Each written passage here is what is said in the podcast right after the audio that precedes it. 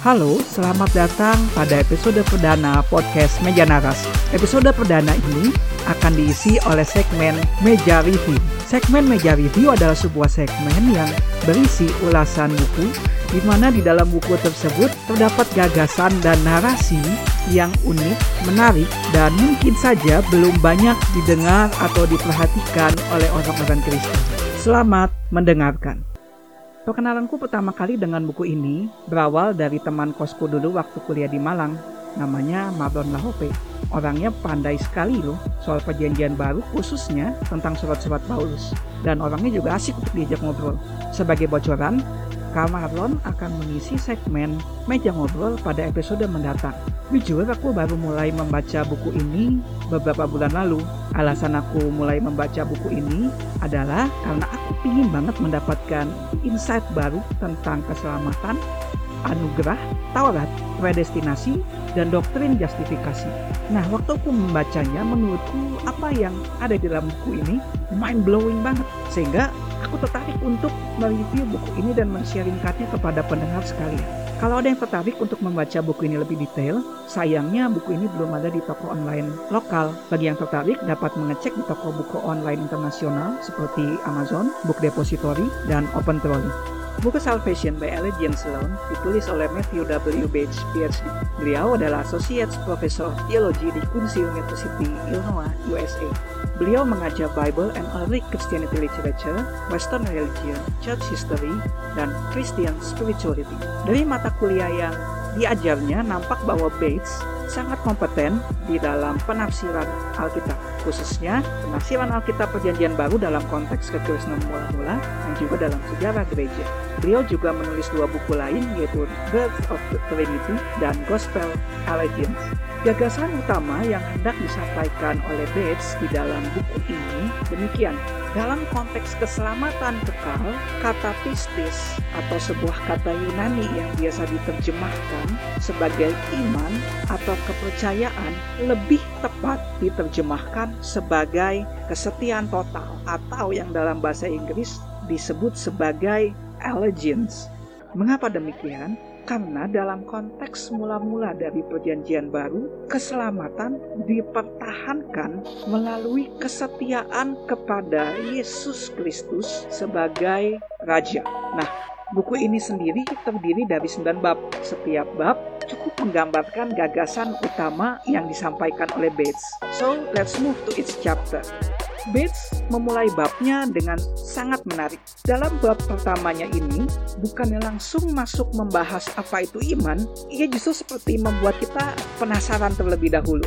Justru dia menjelaskan apa sih yang bukan iman itu. Yang pertama, ia menyatakan bahwa iman yang alkitabiah tidak bertentangan dengan kebenaran yang berdasarkan bukti. Jadi iman Alkitab itu tidak sama dengan kepercayaan yang membabi buta atau kepercayaan yang cuma didasarkan atas emosi semata. Iman Kristen harus punya bukti yang objektif. Itu yang pertama. Bagi dia, iman juga bukan leap of faith. Nah, kadangkala orang Kristen memahami bahwa iman itu, oh saya ingin punya mobil mewah, maka saya mengimani mobil itu. Itu adalah langkah iman saya. Atau misalnya saya beriman bisa kuliah di universitas favorit, universitas ternama. Nah, bagi Bates, iman yang alkitabiah bukan leap of faith, tetapi iman yang alkitabiah melangkah kepada perintah. Bates sangat menekankan perintah ya. Jadi melangkah sesuai perintah Allah yang nampaknya mustahil. Kemudian yang ketiga, Bates menyatakan bahwa iman yang alkitabiah jangan dipertentangkan dengan perbuatan baik. Poin ini nanti bisa kita lihat dalam bab keempat dan kelimanya. Kemudian Bates juga menyatakan bahwa iman jangan disamakan dengan positive thinking. Dan yang terakhir, yang kelima, Bates menyatakan bahwa pengakuan doang, hanya ucapan mulut doang, itu tidak sama dengan iman yang tertulis di dalam Alkitab. Jadi kalau kita cuma bilang, aku percaya kepada Tuhan Yesus sebagai Tuhan dan Juru Selamat, itu nggak cukup men. Iman itu lebih daripada itu. Nah kalau gitu apa dong iman yang dimaksud di dalam perjanjian baru? Cepetan dong. Ya. Kalau kita baca cepetan dong Bex. Apa nih? Nggak sabar. Katanya iya ya oke ini nih jawab. Dalam babnya yang kedua, Bates langsung memulai argumentasi. Begitu juga dalam bab ketiga. Ya, jadi um, pertama kita lihat dulu dalam bab yang kedua. Dengan judul loyalty and the full gospel, Bates ngomong begini bahwa inti Injil menurut surat Paulus ya, itu berbeda dengan yang selama ini kita pahami. Nah, sebelum itu kenapa sih kok Bates pilih surat Paulus? Pertama, karena surat Paulus adalah kitab PB yang paling awal. Beberapa surat Paulus ditulis sebelum kitab-kitab Injil. Jadi ini kalau kita baca kitab perjanjian baru memang yang paling awal kan Injil Matius.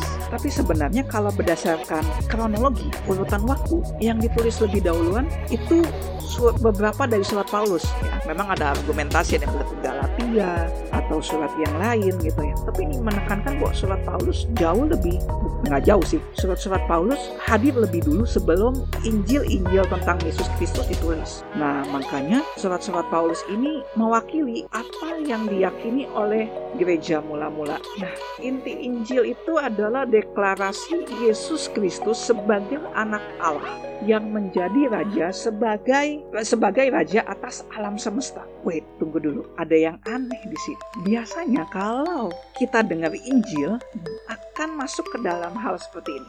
Manusia itu berdosa, manusia butuh diselamatkan atau mungkin Yesus Kristus mati dan bangkit untuk menebus dosa manusia yang berdosa. Manusia itu perlu diselamatkan. Nah, bagi Bates, inti Injil bukan hal tersebut bukan kebutuhan manusia akan keselamatan, bukan karya penebusan Kristus untuk menebus dosa, bukan. Itu memang penting, tapi itu semua bukan inti dari Injil. Wow, waktu baca ini tuh bener-bener mind blowing banget. Karena biasanya kalau uh, pengkhotbah KKR ketika dia menyampaikan berita Injil biasanya disampaikan adalah kalian adalah makhluk kita manusia adalah ciptaan Allah yang telah jatuh dalam dosa kamu butuh keselamatan. Percaya kepada Yesus Kristus. Tetapi bagi Bates, sekalipun itu hal yang penting, itu bukan intinya. Kalau dikatakan itu adalah intinya, maka you miss the point. Bukan itu yang menjadi inti Injil adalah deklarasi Yesus Kristus sebagai anak Allah yang menjadi raja, Tuhan dan penguasa atas alam semesta. That's it. Nah, lalu apakah Injil-Injil Injil Markus, Matius, Lukas, dan Yohanes juga ngomongin yang sama. Dalam bab ketiga yang diberi judul Jesus Proclaims the Gospel, Bates mengatakan bahwa Injil itu sepakat. Penulis Injil menyampaikan bahwa klimaks puncak dari kisah di dalam setiap Injil adalah ini. Yesus Kristus, Raja atas seluruh alam semesta karena setia menjalankan kehendak Bapa. Wow, sungguh mind blowing. Nah, bab di dalam bab yang keempat yang diberi judul Faith as Allegiance iman sebagai kesetiaan, Bates mengatakan bahwa dalam konteks keselamatan, pistis, bahasa Yunani yang diterjemahkan sebagai iman, lebih tepat diterjemahkan sebagai kesetiaan total kepada Yesus Kristus. Karena itu pistis atau iman bukan hanya pengakuan. Lu nggak cukup cuma ngaku lu percaya sama Tuhan Yesus. Kita butuh sesuatu yang lain. Karena Tuhan Yesus Kristus adalah Raja, maka aku harus setia kepada. Itulah yang disebut pistis bagi Maka Bates menyampaikan bahwa pistis atau faith punya tiga dimensi, yaitu persetujuan intelektual, pengakuan publik, dan ketaatan yang nyata. Maka dari itu pistis atau faith itu harus lengkap antara pikiran kita, mulut kita, dan tindakan kita harus sejalan. Gak bisa cuma salah satu. Nah, stop sampai sini dulu nih. Wah, gila benar. Gagasan yang mind blowing yang bisa jadi sangat bertentangan dengan apa yang dipahami oleh sebagian besar orang Kristen. Dan terus mungkin mulai timbul pertanyaan, wah bener nggak nih ya apa yang disampaikan oleh Bates? Masih ada hal-hal yang nyangkut di dalam pikiranku nih. Nah, Bates sebagai seorang teolog, sebagai seorang sarjana perjanjian baru yang kompeten, dia sudah menyiapkan peluru terhadap keberatan-keberatan yang mungkin muncul dalam pikiran kita. Dalam babnya yang kelima, yang diberi judul Questions About Allegiance Alone, Bates mengungkapkan tujuh pertanyaan, tujuh pertanyaan yang mungkin menjadi keberatan bagi orang Kristen untuk menerima bahwa pistis itu bukan belief, tetapi pistis itu adalah kesetiaan total.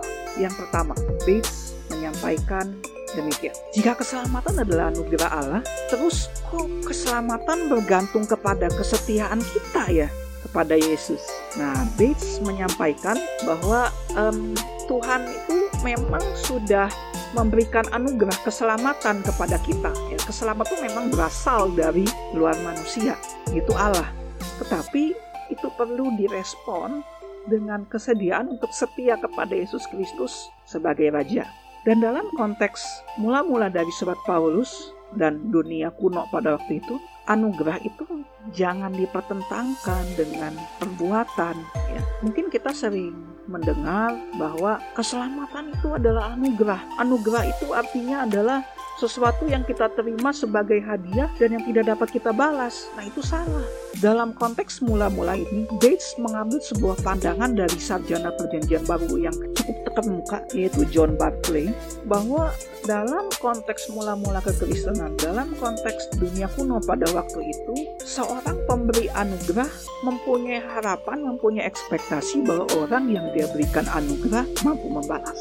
Kemudian pertanyaan yang kedua, kalau Tuhan sudah memilih kita sebelum kita memilih Dia. Apakah anugerah itu pemberian yang ada sebelum iman? Dan apakah anugerah itu tidak bisa ditolak? Apakah manusia tidak punya kehendak bebas untuk meresponi anugerah itu dengan kesetiaan? Bagi Bates, perjanjian baru tidak mengajarkan predestinasi atau sebuah doktrin pemilihan yang sifatnya individu. Jadi Tuhan tidak memilih individu-individu, individu ya tidak predestinasi yang lebih alkitabiah bagi Bates adalah predestinasi secara komunal.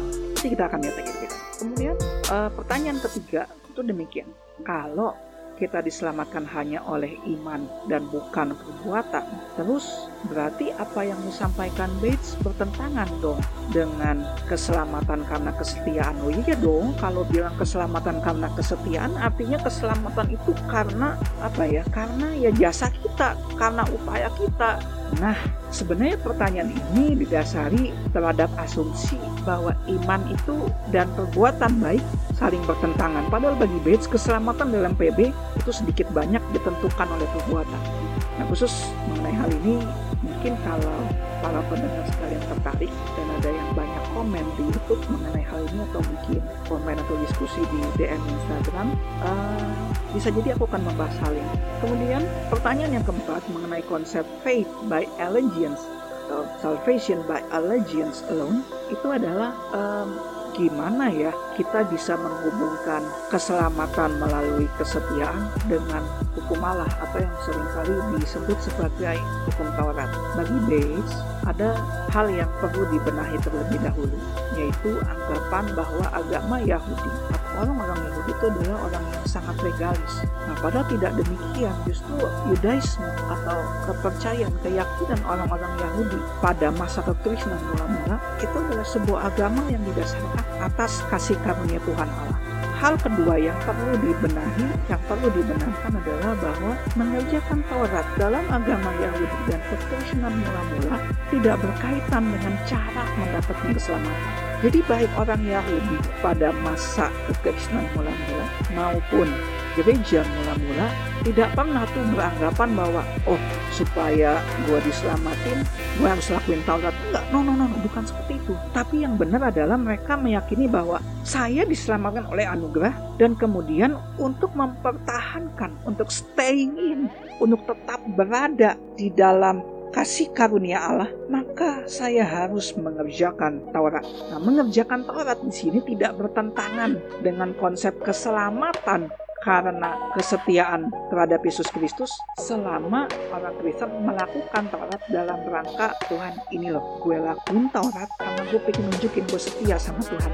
Nah masih ada tiga pertanyaan lagi. Cuman pertanyaan selanjutnya kayaknya jangan dibocorin semua jawabannya. Siapa tahu ada teman-teman yang tertarik untuk baca lebih lanjut tapi tetap akan aku bacain pertanyaan yang kelima. Apakah perbuatan baik yang diperlukan untuk mendapatkan keselamatan kekal berbeda dengan melakukan Taurat. Pertanyaan yang keenam, bagaimana nih dengan kenyataan bahwa manusia atau orang Kristen secara khusus setelah menerima percaya kepada Tuhan Yesus Kristus sebagai Tuhan dan Juru Selamat masih bisa berdosa? Kemudian pertanyaan yang terakhir yang dipersiapkan Bates adalah, oke, okay, aku mau percaya nih bahwa keselamatan ini adalah karena aku setia kepada Tuhan Yesus Kristus sebagai Raja, tetapi seberapa banyak kesetiaannya aku harus kumpulin yang harus aku tabung supaya aku bisa mendapatkan keselamatan kekal? Aku udah cukup belum ya mengumpulkan kesetiaan supaya diselamatkan memperoleh keselamatan kekal? Nah untuk pertanyaan-pertanyaan ini teman-teman harus baca bukunya lanjut aku nggak mau bocorin semua. Setelah panjang lebar bahas tentang keselamatan tentang iman tentang Taurat kemudian Bates uh, bertindak kepada topik yang agak berbeda. Nah dalam bab ke-6 yang berjudul Resurrection into New Creation atau dibangkitkan ke dalam ciptaan baru Bates sekali lagi menyampaikan pandangan yang berbeda dengan orang Kristen kebanyakan. Seringkali orang Kristen memahami bahwa surga itu adalah sebuah tempat uh, bagus banget pagarnya dari emas men. Bukan emas 18 karat bukan emas 24 karat mungkin emas 1000 karat gitu ya. Waktu masuk disambut malaikat yang bayangannya tuh kayak malaikat yang seperti kipit yang anak kecil itu punya sayap punya trompet gitu ya. Hidup di surga enak gitu nyaman nah, bagi Bates don't you think like that gitu? Jangan berpikir seperti itu. Keselamatan yang alkitabiah bukan seperti itu. Kehidupan kekal itu jangan diartikan seperti hidup di surga ada pagar emas ada kota yang indah dari permata gitu ya. Kemudian ada malaikat yang penampilannya seperti malaikat yang ada di film-film Hollywood. No no no not like that. Pada waktu Yesus Kristus datang kembali maka ada perubahan dari Taman Eden menjadi kota Yerusalem. Apa maksudnya? Jadi pada waktu Tuhan Yesus datang kembali sesuai dengan apa yang terdapat dalam Ibrani 11 ayat 22 sampai 29, Wahyu 22 ayat 12 sampai 16, surga itu yang dibawa turun ke bumi karena dibilang Tuhan akan menciptakan langit dan bumi baru bukan kita akan naik ke surga tidak akhir perjalanan kita, akhir dari kesetiaan kita kepada Yesus Kristus bukan di surga, tetapi menikmati langit dan bumi yang baru.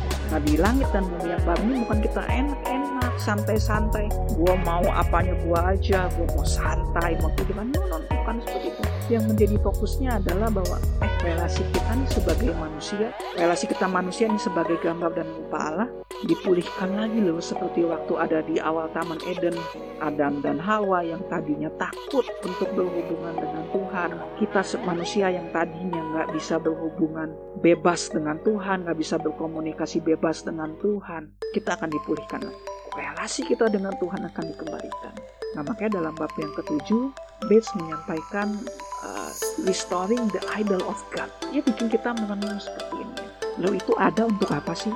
Eh lo manusia itu ada untuk apa? Apa cuman buat menu-menuin bumi, berat-beratin bumi aja, ditakdirkan untuk ngabisin oksigen? Are you like that? Enggak.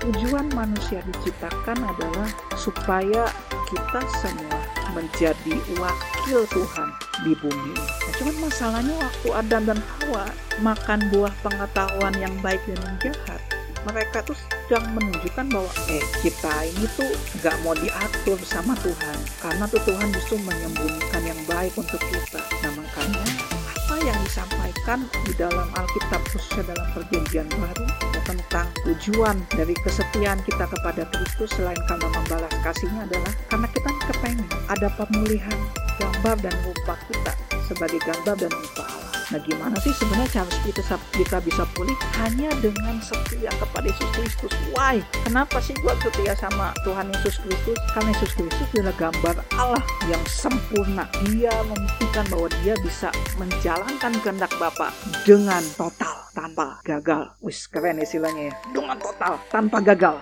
Dan Yesus Kristus adalah gambar Allah yang mula-mula. Jauh sebelum Adam ada Yesus Kristus adalah gambar Allah yang kelihatan. Paulus bilang Yesus Kristus ada gambar Allah yang tak kelihatan. Sempurna ideal.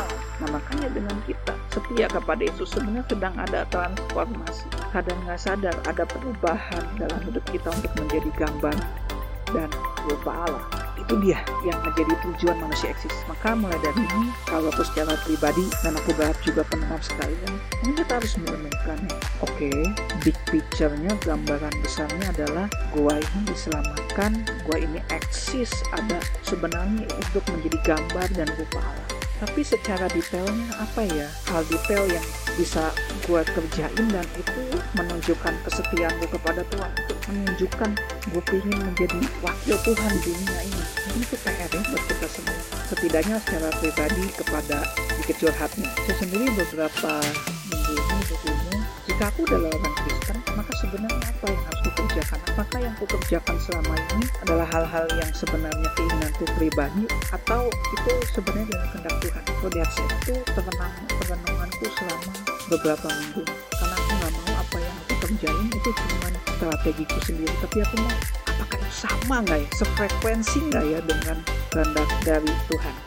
Nah kemudian dalam bab yang ke-8 Bates membahas mengenai justifikasi atau pembenaran. Dalam bab yang diberi judul Justification and Allegiance Alone, Bates dengan tegas menyatakan bahwa eh kalau pandangan yang sesuai Alkitab itu yang menolak predestinasi loh, predestinasi individu lebih tepatnya. Karena apa yang disampaikan terutama dalam surat Paulus itu bukan predestinasi individu, tapi predestinasi itu ada dan yang Alkitabiah adalah satu pemilihan Yesus Kristus oleh Bapa sebelum dunia dijadikan dan yang kedua pemilihan gereja sebagai sarana keselamatan, pemilihan gereja di dalam Kristus. Jadi predestinasi itu ada, tapi predestinasi itu bukan predestinasi secara individu. Misalnya si A itu orang yang ditentukan Tuhan sebelum dunia dijadikan supaya masuk surga. Maka apa pun yang terjadi, orang itu pasti akan masuk surga. No, no, no, not like that gitu ya. Predestinasi yang Alkitabiah adalah Yesus Kristus yang dipilih oleh Bapa sebelum dunia dijadikan dan yang kedua gereja yang dipilih di dalam Kristus sebagai sarana pemulihan relasi manusia dengan Tuhan sebagai sarana supaya dunia mengakui Yesus Kristus sebagai Tuhan dan Raja atas alam semesta. Nah, terus Page menyatakan bahwa justifikasi itu bukan tahapan. Kan sering kali nih yang dipahami, oh habis gua dibenarkan, habis itu ada pengudusan. No, no, no, no. Justifikasi itu bukan tahapan. Tapi bagi Bates, justifikasi adalah metafora atau gambaran gambaran apa sih? Gambaran mengenai persekutuan orang Kristen dengan Kristus. Makanya sering kali dalam perjanjian baru gambaran atau metafor yang dipakai adalah suami dengan istri bapak dengan anak. Karena bagi Bates keselamatan justifikasi yang selama ini dipahami sebagai pembenaran itu bukan sebuah pembenaran ala orang-orang uh, reform ataupun bukan ala-ala Katolik Roma. Bagi Bates kalau orang reform mereka menyampaikan tentang imputasi. Itu bahwa kebenaran Kristus yang dimasukkan ke dalam kita. Kalau Katolik Roma bagi Bates keselamatan itu uh, seperti diinfuse nah bagi Bates masing-masing baik dari pihak reform maupun Katolik Roma punya kebenaran tetapi bagi dia itu still miss the point nah Bates mengusulkan istilah lain yaitu inkorporasi atau in the Messiah gampangnya kita terus-menerus mengalami pembenaran, terus mengalami uh, menjadi umat Allah ketika kita terus-menerus dengan setia berada di dalam Yesus Kristus. In Christ di dalam Kristus saja dan kita terus-menerus setia berada dalam Kristus, maka kita sedang berada dalam justifikasi yang proses bukan tahapan. Jadi itu adalah bagi Bates seperti itu. Makanya kemudian implikasinya apa? Implikasinya kita jadi orang Kristen itu nggak cuma selesai waktu kita ngaku Tuhan, saya percaya kepada Tuhan Yesus sebagai Tuhan dan Juru Selamat pribadi saya. No, tidak hanya di situ. Dan juga implikasi dari pemahaman Bates ini adalah bahwa kalau kita tidak setia kepada Kristus dan akhirnya kita malah memberontak Kristus, maka kita bisa jadi orang yang murtad. Kita meninggalkan kesetiaan kita kepada Kristus. Nah, untuk menutup babnya, Bates menyampaikan dalam bab yang diberi judul Practicing Allegiance. Bates itu nggak pengen supaya um, kita itu hanya paham secara intelektual tapi tidak dipraktekkan konsep ini. Dan bagi Bates, konsep keselamatan melalui kesetiaan total kepada Yesus Kristus itu satu hal yang praktis bisa langsung diterapkan. Nah, itu udah banyak tuh dia, dia kasih tahu uh, prakteknya kayak gimana. Nah, di sini aku hanya menyebutkan dua, nggak mau aku bocorin semuanya. Bagi dia, aplikasi yang pertama pengakuan harus digabungkan dengan kesetiaan. Nah, dia ini bagi Bates, konsep keselamatan melalui kesetiaan total kepada Yesus Kristus itu membuat nggak ada lagi tuh pemisahan uh, antara pengakuan iman dengan tindakan nyata dan real. Gak ada. Semua hal yang nggak bisa dipisahkan seperti um, dua muka dalam satu uang koin. Dan aplikasi yang kedua adalah Injil itu harus disampaikan sebagai sebuah berita yang tidak menonjolkan surga. Kenapa? Karena tadi keadaan akhir kita sebagai orang Kristen bukan hidup di surga yang pintunya dari emas disambut malaikat yang seperti ada di Hollywood, seperti di film-film. No, no, no, bukan seperti itu. Tetapi berada di dalam langit dan bumi yang baru. Injil itu jangan bagi Bates jangan memberikan kepastian atas keselamatan. Maksudnya dalam artian begini, asalkan kamu percaya kamu selamat. Tidak, karena pistis, faith itu bukan belief bukan trust kalau dalam konteks keselamatan kekal. Tetapi bagi Bates pistis atau faith itu adalah kesetiaan total kepada Kristus. That's it. Makanya kepastian akan keselamatan kekal itu hanya bisa dibuktikan oleh perjalanan suatu saat orang Kristen bisa akan seperti Yudas sebagai murid Kristus tetapi akhirnya tidak ber, uh, mengkhianati Yesus dan tidak bertobat gitu. Dan mungkin aja ketika kita murtad akan ada kondisi di mana kita seperti Petrus kita bertobat dan kembali menjalankan kesetiaan kita kepada Kristus. Nah selesai deh review mengenai gambaran besar buku Salvation by Allegiance Alone by Matthew W. Bates. Tadi itu yang uh, disampaikan oleh Bates dalam buku Salvation by Allegiance Alone. Nah, terus kalau ditanya uh, gimana sih opini pun tentang uh, buku ini gitu ya? Apakah aku setuju semua mengenai isi dari buku ini? Oke, tapi sebelum itu kalau aku boleh kasih nilai opini ku pribadi, aku memberikan penilaian kepada buku ini adalah 4 dari 5 bintang. Bagiku ini adalah sebuah buku yang keren, sebuah buku yang bagus, layak uh, untuk dibaca dengan lebih detail karena buku ini punya beberapa kelebihan. Yang pertama, isu-isu yang dibahas di dalam buku ini tuh sebenarnya isu yang cukup up to date ya, terutama dalam hal seperti anugerah, dalam hal seperti keselamatan. Isu-isu yang dibahas di dalam itu adalah isu-isu yang mempunyai uh, jawaban dari sarjana-sarjana yang kekinian. Dan yang kedua, kelebihan buku ini bagiku Bates menyampaikan gagasan yang mind blowing yang wah gue baru dengar nih yang kayak gini?